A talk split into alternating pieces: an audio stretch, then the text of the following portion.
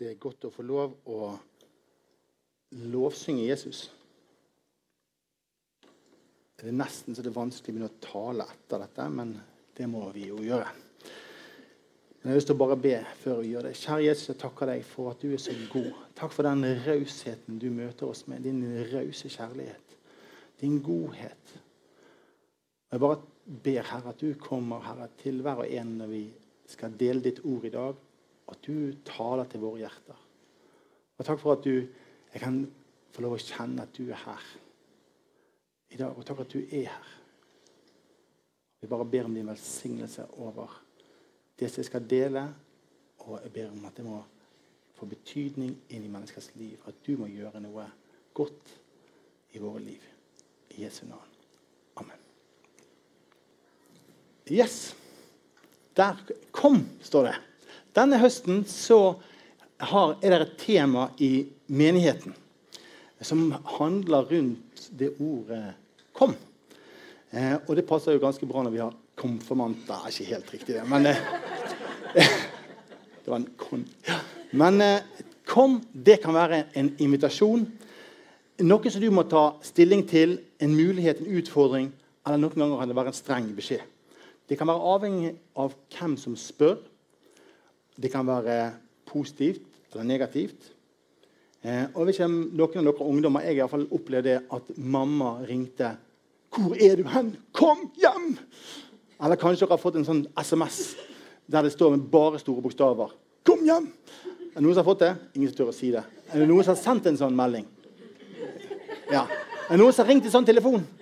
Ja, Sikkert mange. Eller kanskje er det noen andre voksne som har fått en sånn telefon. Ja. Eh, hvordan vi opplever en invitasjon eh, vi, det, I teknikkens verden Finn igjen musen. Det er alltid viktig å ha orden på den. Eh, hvordan vi opplever en, invitasjon, det avhenger av flere ting. Og noen er, av disse tingene det er Hvem er det som spør? Hvordan spør den personen? Og så kommer det an på oss sjøl. Jeg husker veldig godt, jeg fortalte det faktisk på, på tirsdag til konfirmantene, men jeg kan huske veldig godt når jeg var eh, ungdom og jeg satt i klasserommet, og så banket det på døren til klasserommet. Og så gikk døren opp, og så stakk rektor hodet inn. Så så han på meg, og så sa han 'Kom'.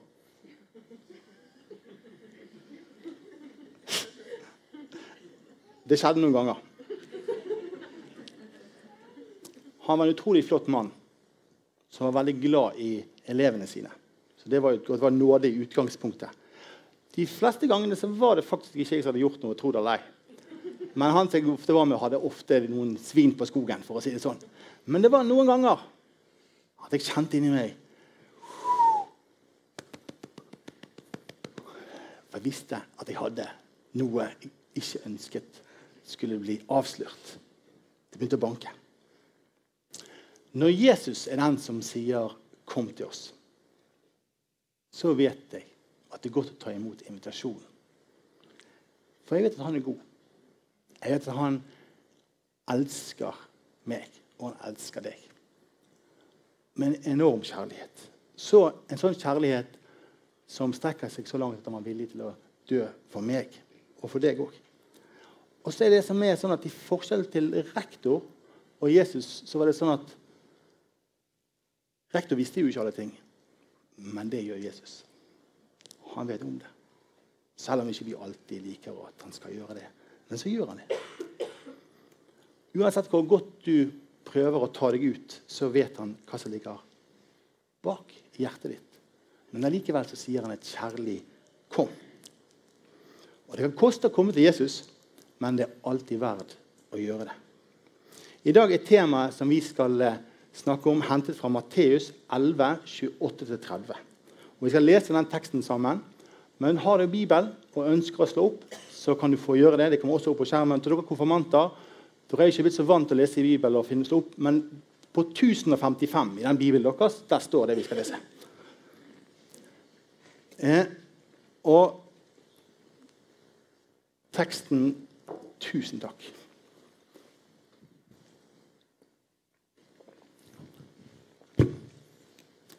Teksten for i dag er 'Kom til meg, alle dere som strever og bærer tunge byrder, så vil jeg gi dere hvile.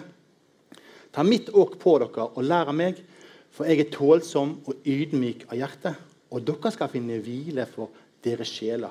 For mitt åk er godt, og min byrde lett. Kom til meg, sier Jesus. Han sier det til alle som strever, og alle som bærer tunge byrder. Og til alle gir han en invitasjon til å komme til hvile. Norge er rangert som verdens rikeste land. Litt etter hva Verdensbanken sier at vi er rikest. Da får vi stole på dem. De har jo mest penger, så de bør greie på det. Men bare etter Finland så påstås det at vi skal være de, de nest lykkeligste menneskene i verden. Det er jo noe å være fornøyd og takknemlig for. Eh, men likevel så vet vi at mange, ja, kanskje de aller fleste, fleste av oss, strever og bærer tunge byrder. Jeg skal ikke ta håndsopprekning på det, men eh, kanskje du kan kjenne deg igjen litt i han her karen her. Det er så mange ting vi må klare på egen hånd. Eh, og så er det sånn at Selv om vi kan på en måte kjenne oss igjen i det bildet, der, så er jo ikke det sånn at vi går rundt de fleste av oss med noe som er stroppet bak på ryggen og nedbøyd. Men de børene vi snakker om her, de bærer vi inni oss. I livene våre, i hjertet vårt, i sjelen vår. Men det kan òg kjennes i kroppen. Vi kan kjenne det i kroppen vår at vi bærer. Det gjør det, for det henger sammen. Det er mange krav og ting vi bærer på. Det kan være at du må holde deg i form. Du må være flink på skolen. Du må få gode karakterer. Du må se bra ut på sosiale medier. Du må levere på så mange arenaer. Og mange ungdommer til dere voksne bruker faktisk flere timer hver dag på noe som nesten høres rart ut, men å like andre sine postinger på Instagram og Facebook og sørge for at i alle fall ikke det er du som ryker den snapstreaken. Er det riktig? Kjenner dere dere igjen i det? Ja. Det er, og det er kanskje noen voksne som gjør det også. Det er veldig mange krav til å levere på mange områder. Og det er sånn at for det, Den innsatsen du gjør, det er den som gir deg verdi. Det er den som gir deg kred, det er den som gir deg det du trenger. For noen så kjennes livet ut sånn som det der. Det er et press og et strev det er så stort at du føler at livet det trykker deg ned. Det kan være tunge tanker, følelse av å mislykkes, skam, skyldfølelse eller relasjoner som er vanskelige i familie, på arbeidsplassen. Men det kan òg være sår i livene våre som gir oss smerte. Tap. Angst, avhengighet eller ensomhet. Men òg vanskelige spørsmål om tro og tvil som på en måte kan knuge et menneske og presse kraften ut av livet vårt. Og Samtidig som vi har det sånn, så gjør vi alt for å se bra ut på utsiden. Men bak døren vår til hjemmet vårt eller inne på rommet der ingen ser oss, der er vi alene. Der kjenner vi vekten av det livet som er tungt å mestre. Og Dette her som vi snakker om nå, det gjelder ikke bare ungdommer. Men det gjelder voksne, og det gjelder eldre. Det gjelder alle mennesker. Dette er det å være menneske. Dette er jo tøffe ting, ikke det? Jeg tror vi på en eller annen måte kan finne oss igjen i dette bildet, alle sammen. Men vet du hva? vi er ikke her for å bli deprimert. Men Vi er her for å snakke ærlig om livet, og så er vi her for å fortelle at det er et håp. Og det håpet det begynner med å komme til Jesus. Ser dere det bildet der? Det der var en av favorittaktivitetene som jeg hadde med mine barn når de var i en, en alder. Og ungene elsket det, og jeg elsket det. Noen som har opplevd det å stå og se ned på pappa eller mamma? Kan dere huske det? Kanskje ikke dere klarer å huske det. Jeg kan, jeg kan huske det. Og det å kaste seg ut, slippe taket og bli fanget i trygge armer. Det er fint, sant? Det er et vågestykke. Og vet du hva? Ungene fryder seg. Vi kan se det med babyer. Vi kaster opp i luften. Noen sa er livredd for å miste dem. Men de gjør det. Sant? Og så fryder barnet seg. Og så kan vi få lukke dem inne i, på en måte, i tryggheten. Og så er det sånn, I disse tingene så er det både vi som våger å slippe oss ut, og så den som tar imot, får lov å bekrefte tilliten og kjærligheten. Det er å våge. Det er sånn Som far så får jeg lov å gi gjensvar på den tilliten som er, som barnet viser meg. På akkurat samme måten så inviterer Jesus oss til å våge å slippe oss ut i det som vi ikke har kontroll på, over i hans armer. Og det er å våge. Det handler om å på en måte, Vi snakker om tro. Ja, jeg tror nå at eh, jorden er rund. Jeg har ikke ja, sett det òg. Vi tror mange ting. Og vi tror på Gud. Men tro og tillit Vi snakker om å stole på Gud. Det er noe annet. Denne gutten eller denne jenten som står her på dette bildet, den er gått forbi det jeg tror, men i tillit. Jeg, jeg våger å, å stole på. Kaste meg ut. Og Det som Jesus utfordrer oss på, det er å stole på ham. Stole på ham. Slippe taket og komme til ham.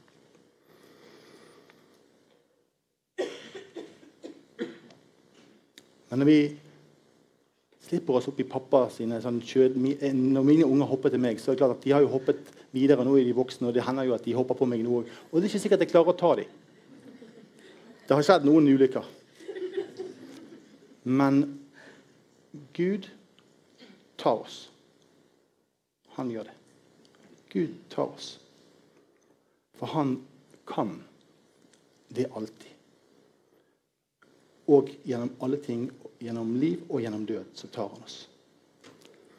Og når vi kommer til han, så elsker han at vi kommer til han. Og jeg tror at han elsker at vi kommer til han, og øser ut hjertet vårt og sier akkurat hvordan vi har det.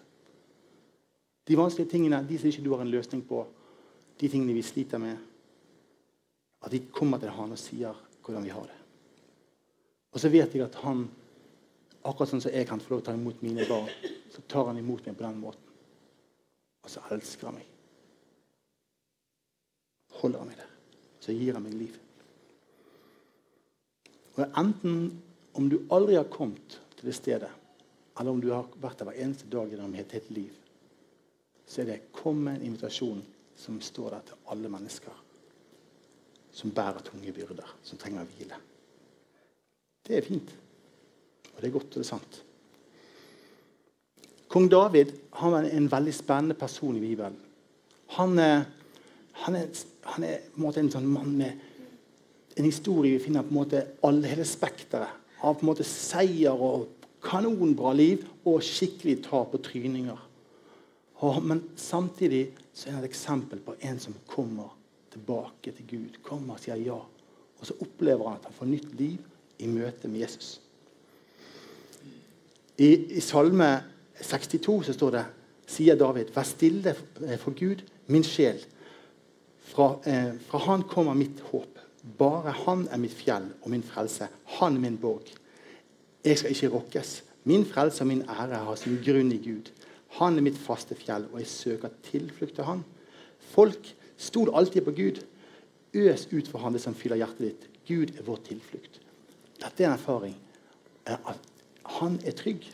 Jeg kan søke tilflukt hos Gud. Vet du hva? Det kommer til de vanskelige tingene, syns jeg det er fint at det er en egen bok i Bibelen som heter 'Klagesangene'. Bibelen er ikke fremmed for at livet kan være vanskelig. Tvert imot. Han er veldig ærlig. Og Alle strever vi med forskjellige ting i livene våre.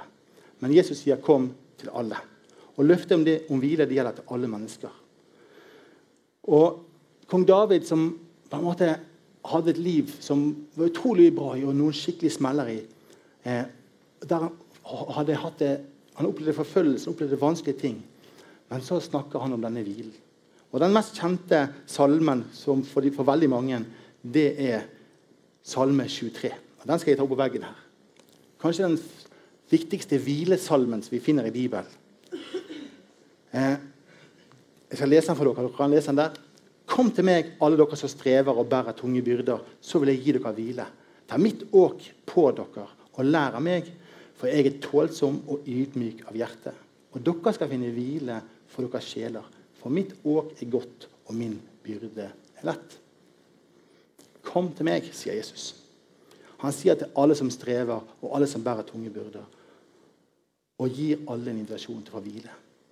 Her har vi hoppet over et lite Ja, da skjedde det noe rart. OK, vi, vi, går der. Ja, Hvis ikke det mye bedre, vi ta det en gang til. Hvis dere var veldig Ja. ja David skriver om et liv som ikke, ikke uten problemer.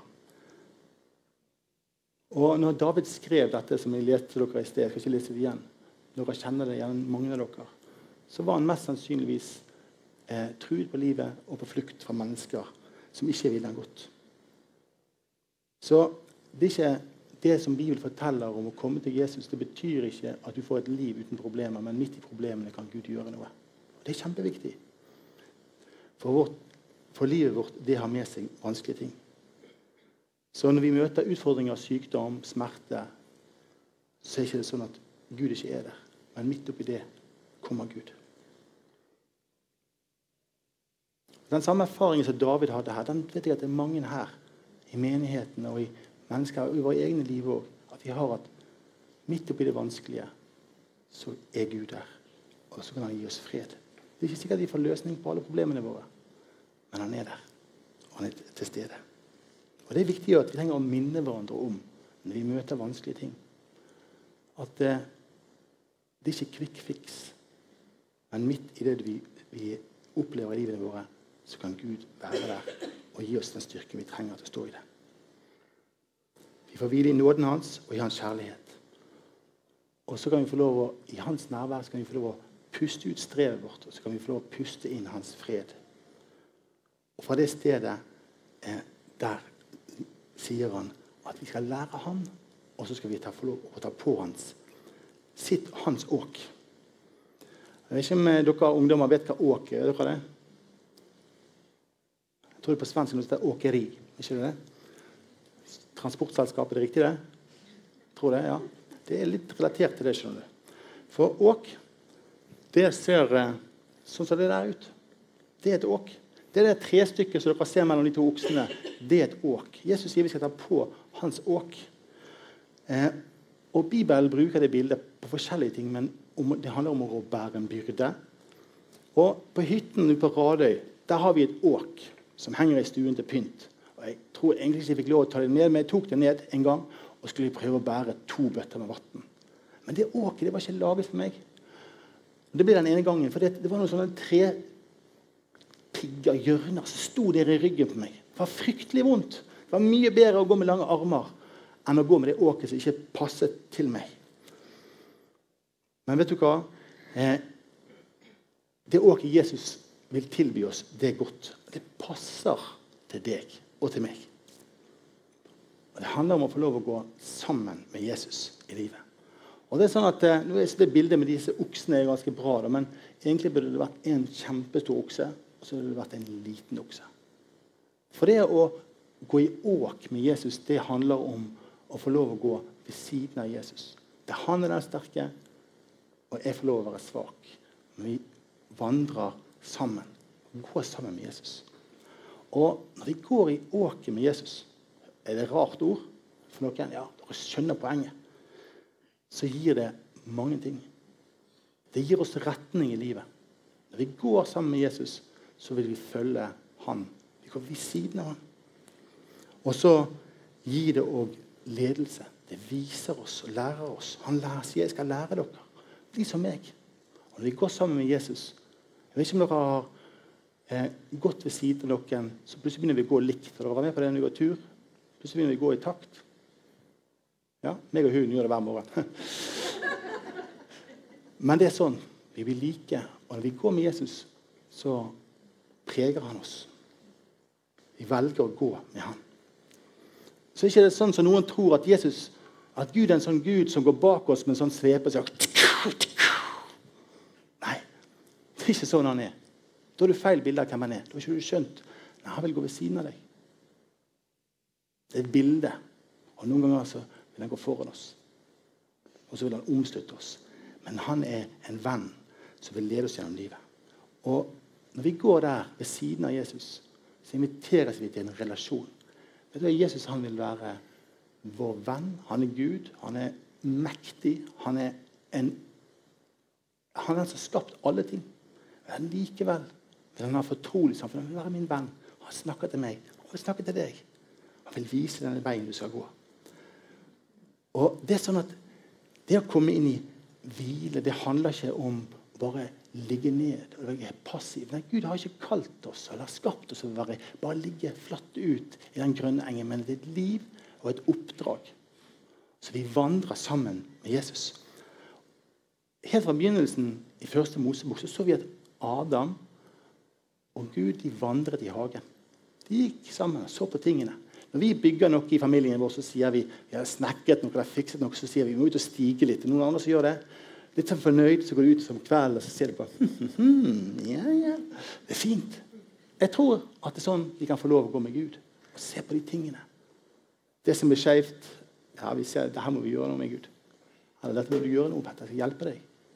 Men sånn er det med Gud. Han vil være med oss og lede oss. Og I Jakob, det er en bok i Nytestamentet for dere ungdommer, så står det Hold dere nær til Gud, så skal han holde seg nær til dere. Hvis vi velger å vandre med Jesus, så vil han holde seg nær til oss. Jesus ber oss om å følge ham. Vi, vil vi bli i hans fred og vandre i den, så må vi gå i takt med ham. Og Jeg vet ikke om dere har lekt den leken, men jeg har lekt den leken mange ganger. Og for å si det sånn, er det Noen her kjenner meg ganske godt. Har jeg sånn over middels konkurranseinstinkt? Ja. ja. Jeg liker å vinne. Hvis jeg ikke kan vinne, så kan jeg bli sånn tullete vekk. Men jeg liker, jeg liker, ikke, jeg liker å vinne.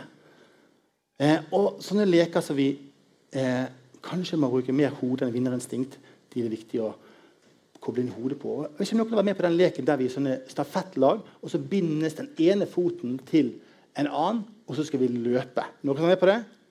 Ja. Eh, og der er det faktisk sånn at det ikke alltid de raskeste som vinner. Eller de med mest konkurranseinstinkt som vinner. Hvorfor det? Hvorfor, hvorfor, vinner ikke de? Er det noen som har et forslag? Det er nemlig en nøkkel til å vinne. Hva er det? De løper ikke i takt. Jeg tror, ja, jeg ikke det der det var bra. Men ok. Du fant du på det helt sjøl? Kanonbra. Ja. Fordi at eh, vi trenger å løpe gå, Jeg skal ikke si løpe, men for å vite den leken så må vi løpe i takt. Det er det mye mye bedre. Da faller ikke vi snubler. Men hvis vi skal vandre med Jesus, så trenger vi å vandre i takt med han. Og Da trenger vi å følge hans ledelse og hans instruksjoner. Og Hvis du har veldig mye konkurranseinstinkt og vilje, sånn som jeg har, så kan det noen ganger være vanskelig. Det er ikke alltid like greit å være enig med alt med Jesus. Det har jeg opplevd. Men så har jeg lært meg at da må jeg la min vilje si ok, Jesus, det er du som er sjefen. Og så hjelper du meg til å vandre i takt med deg. Og det er sånn at I det samfunnet vi lever i, så er det mange ting som sier det er ikke en bra takt å gå i. Det er ikke en god løsning. Men det er utfordrende. Det koster noen ganger å si OK, Jesus. Hvis du sier at det er den måten vi skal gå på for å komme frem, så må vi gjøre det. Og så må du vise meg hvorfor. Så må du hjelpe meg. Jesus snakker om at de skal ta opp et kors og følge ham. Det er på en måte en kostnad å følge Jesus. Men hvis du vil leve et liv med utgangspunkt i den hvile som Jesus gir, så er det ingenting i forhold til det du får. Hvis du ikke finner det til å stemme, da har ikke du sett hvem Jesus er. Da har ikke du forstått hva det handler om. For det er verd alle ting. Jeg sa det at jeg jobber med mennesker som blir forfulgt for troen sin. Og det å se at mennesker faktisk eh, opplever at de må velge mellom liv og død for å holde fast i troen på Jesus, så velger de å betale en pris. Da har de sett noe. Da har de skjønt noe. Om det er det samme vi trenger i våre liv. Virkelig for å finne ut hvem er Jesus.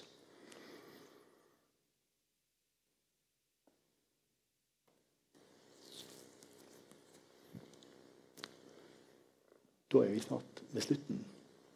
Kom til Jesus. Det er en helt personlig invitasjon. Hvis du kan lese den teksten i begynnelsen, så står ikke det 'Kom til Jesus'. Det står Kom til meg. Det er en personlig invitasjon. Jesus sier til alle oss som strever og bærer, kom til meg, så skal jeg gi deg hvile. Og om du aldri har kommet og takket ja til den invitasjonen, så kan du få lov å komme til Jesus og si, 'Her er jeg. Du kan få lov å skal ikke klatre opp på den steinen eller på her, men du kan få lov å våge det som du kanskje ikke har våget før. Å slippe taket og kaste deg ut i hans armer i dag. Du kan få lov å øse ut hjertet ditt. Smerten i livet, sorgen, de tingene som gikk galt, det som ikke skulle skje, som skjedde, det du ikke forstår. Så kan du få lov å kaste det på han. Det er utrolig godt. Det står om å kan få lov å øse ut hjertet vårt som vann. Når man ser for dere øse båten kaste ut vannet. Men vårt hjerte det kan ha et innhold som trenger å bli øst ut. Og vi bærer i hjertet vårt, men vi kan få lov å gi det til Jesus. Og så skjer det noe på det stedet når vi har øst ut hjertet vårt til Jesus. Det at han kommer med sin fred. Det er en fantastisk opplevelse.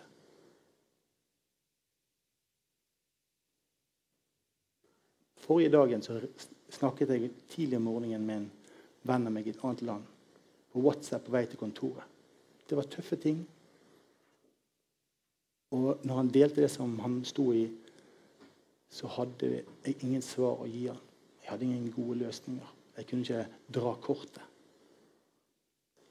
Og så kunne vi Mens jeg kjørte nedover, jeg jobba nede på Minde, på veien nedover, så kjente jeg det er bare én ting jeg kan gjøre. Det er bare, bare gå til Gud. Og da begynte vi bare å takke han på telefonen, på WhatsApp fra en morgen i trafikken. Og så mens vi, vi ba Vi ba en halv time sammen, ropte til Gud over situasjonen. Så opplevde vi at det kom en fred. Og så opplevde vi at Gud ga et, et ord fra, fra, sitt ord som han mintes på, som satte den situasjonen inn i et helt annet lys. Vi kunne si at jo, Gud, du er her. Og så var det sånn at for meg så var det faktisk et ord som jeg kunne love å stå på inn i min egen dag. Inn der det var utfordringer på en måte å komme gjennom dagen. Sånn er Gud. Det er ikke alltid han tar oss ut av det vanskelige, men han hjelper oss å se ting på en annen måte. Vi kan få lov å se at Gud er inni det. Han er trofast. Sånn kan det se ut i et liv. Det er godt å få lov å øse ut hjertet sitt. Og det som skjer er at hjertet ditt blir fylt av glede. Og er det godt å være glad? Liker vi å være glad? De er egentlig altfor lite glad. Vi smiler ofte litt for lite. Men vet du hva? I Filippabrevet i Bibelen så står det om dette, om en glede. Der sier vi kan få lov å glede oss alltid. Jeg skal lese dette. Gled dere i Herren alltid. Igjen vil jeg si dere, gled dere. La mennesker få merke at dere er vennlige. Herren er nær. Vær ikke bekymret for noe, men la alt som ligger dere på hjertet, komme frem for Gud i bønn og påkallelse med takk. Og Guds fred, som overgår all forstand, skal bevare deres hjerter og tanker i Kristus Jesus. Her snakker han om, om fred og snakker, snakker om hvile. Men på mange måter er disse begrepene overlappende. Det går an å leve et annerledes liv. For det er sånn at Jesus han kom med noe annet. Han kom med Guds rike.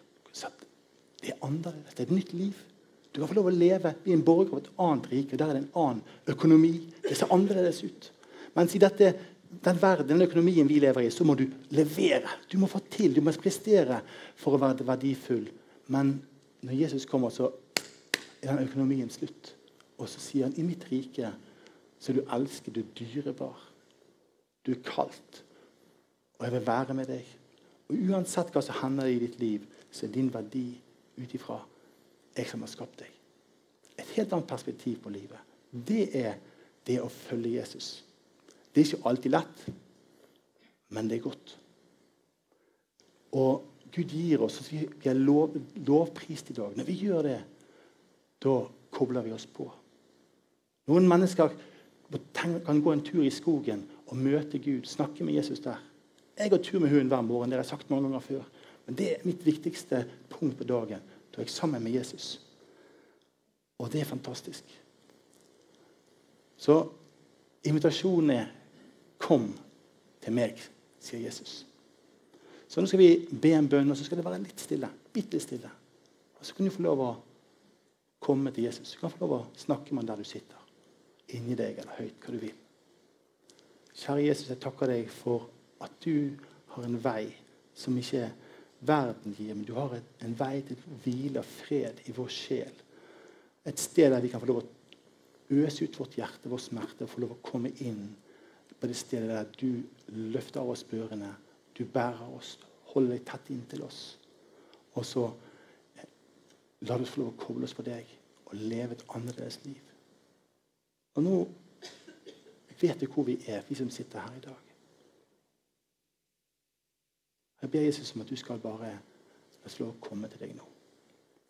Da vi stille noen minutter, og så avstår jeg i bønn.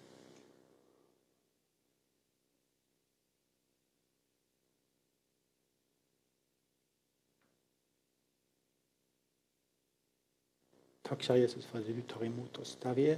Takk at du har hørt de bønnene som er bedt i dag. Du har hørt den nøden og den eh, smerten som vi bærer i livene våre. Og takk at du er stor nok til å ta deg av det.